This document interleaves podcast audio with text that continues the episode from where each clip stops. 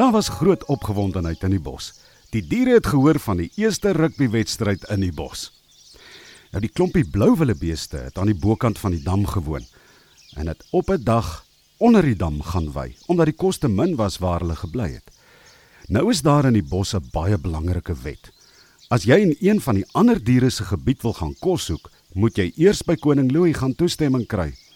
En dan moet die diere wat in daardie deel woon gevra word of dit reg is. Maar nie die blouwillebeeste nie.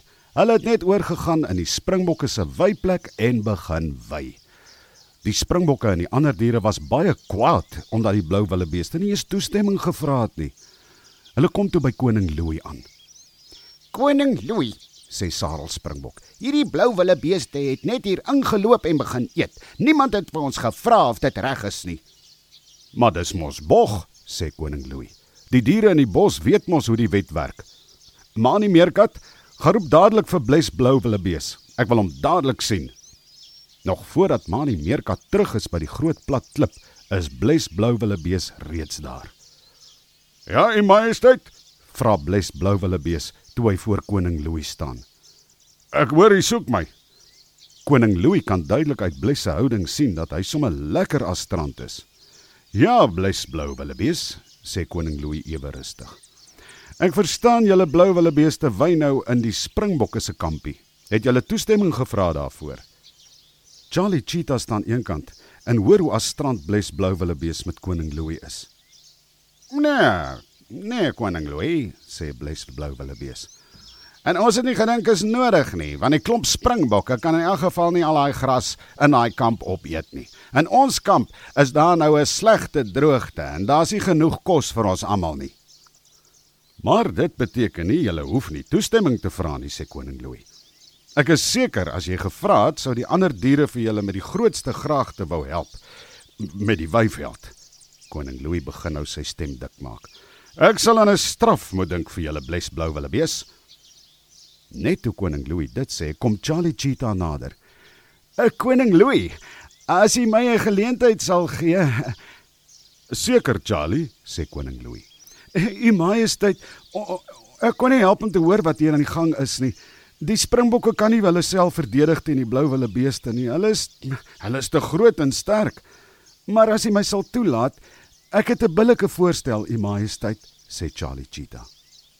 Bles blou wille bees grin ek eenkant en blaas deur sy neusgate. Nou maar laat ek hoor Charlie, sê koning Louis. U majesteit, ons cheetahs is bereid om 'n rugbywedstryd teen die blou wille beeste te speel namens die springbokke as die blou wille beeste die wedstryd wen, kan hulle weer 'n kans kry en u kom vra of hulle daar kan wys sonder dat hulle gestraf word omdat hulle nie in die eerste plek gevra het nie. En as hulle verloor, vra koning Louis. Dan die majesteit mag hulle nooit weer hulle voete op die grond aan die onderkant van die dam sit nie. Dan mag hulle net bokant die dam bly, sê Charlie Cheetah. Lag bles blou wille bees. Ek wou nog altyd 'n cheetah se neus in die grond invryf.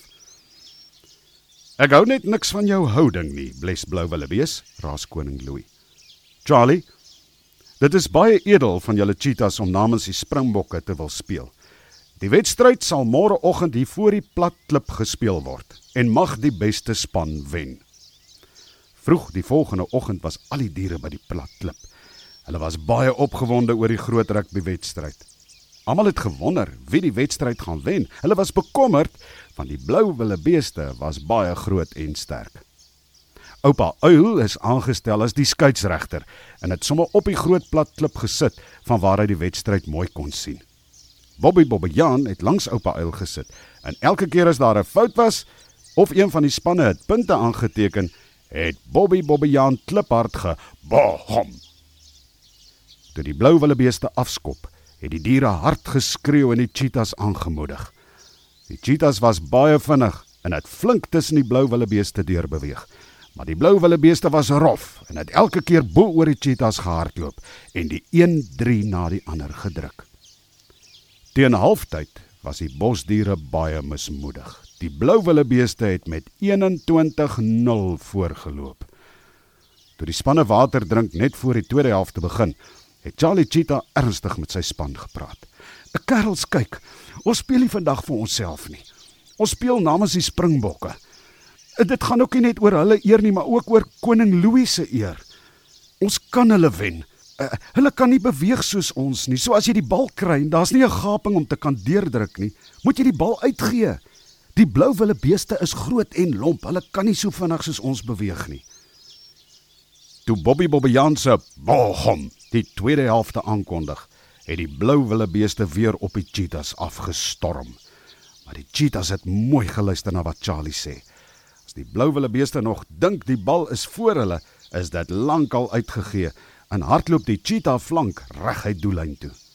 Die diere het nou hard geskreeu.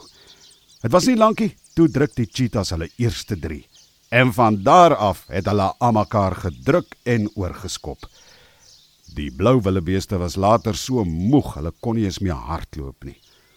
Toe Bobby Bobbejaan se laaste bohom tussen die koppies weer klink, was die telling 68-21. Die Cheetahs het die wedstryd gewen. Die Springbokke en koning Louis was baie bly. Koning Louis het dadelike aankondiging gemaak. Bosdiere, vandag het ons gesien dat ongeregtigheid nooit beloon word nie. Hierdie blou wille beeste het my en ons boswet beledig. Nou het die cheetahs ons eer bewaar deur hulle neuse in die stof te vryf. Net toe die blou wille beeste wou terugstap na die bokant van die dam toe, praat koning Louis weer. Nie so haastig nie, julle blou wille beeste. Vanaand word hier fees gevier. En dis ter ere van die cheetahs. En julle blou wille beeste sal vanmiddag gaan kos soek en die fees voorberei sodat daar genoeg kos is en dat alles gereed is vir die fees. En wanneer die fees later klaar is, kry julle koers na die bokant van die dam toe en julle sit julle voete nie weer hier nie. O, oh, die blou wille beeste was baie kwaad, maar het nie 'n keuse gehad nie. Hulle het geweet as hulle nie doen wat koning Louis sê nie, word hulle dalk uit die bos verban. Daardie aand het die diere tot laat aandfees gevier. En toe alles verby is, het die trop blou wille beeste koers gekry na hulle grond bokant die dam. Oupa uil sit op sy tak hoog in die bloekomboom. Net toe hy 'n uiltjie wil knip, kom sit Tilly tink tinkie langs hom. Ai ja, sê Tilly. Daar het jy dit nou. Dit help nie om 'n billebak te wees en jou nek dik te hou met koning Louis nie. Ja, sê oupa uil. As hulle net gevra het, sou daar 'n plan gemaak kon word. Jy weet Tilly, goeie maniere is nie iets wat 'n mens sommer langs die pad optel nie. Dit moet aangeleer word.